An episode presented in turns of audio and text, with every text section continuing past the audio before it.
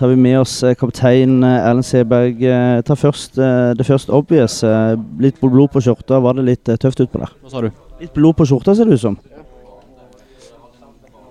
Litt skrubbsår, men det må vel kanskje regne med. Det ehm, Jeg vet ikke hva jeg skal si. Eh, ja.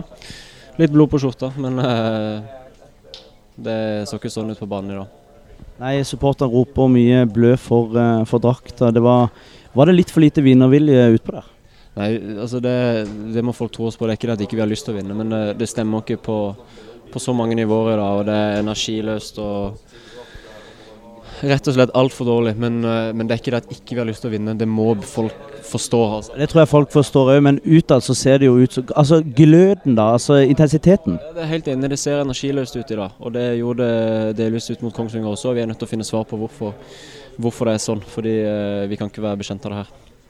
Som eh, kaptein, hvordan jobber du sammen med Joey og, og, og spillergruppa nå eh, fremover etter to dårlige matcher? Nå skal jo si at jeg har hatt en bra rekke før, eh, før det. Selvtilliten får kanskje seg en, en knekk, men med seier mot Tromsdalen så er man plutselig oppe på, på hesten igjen.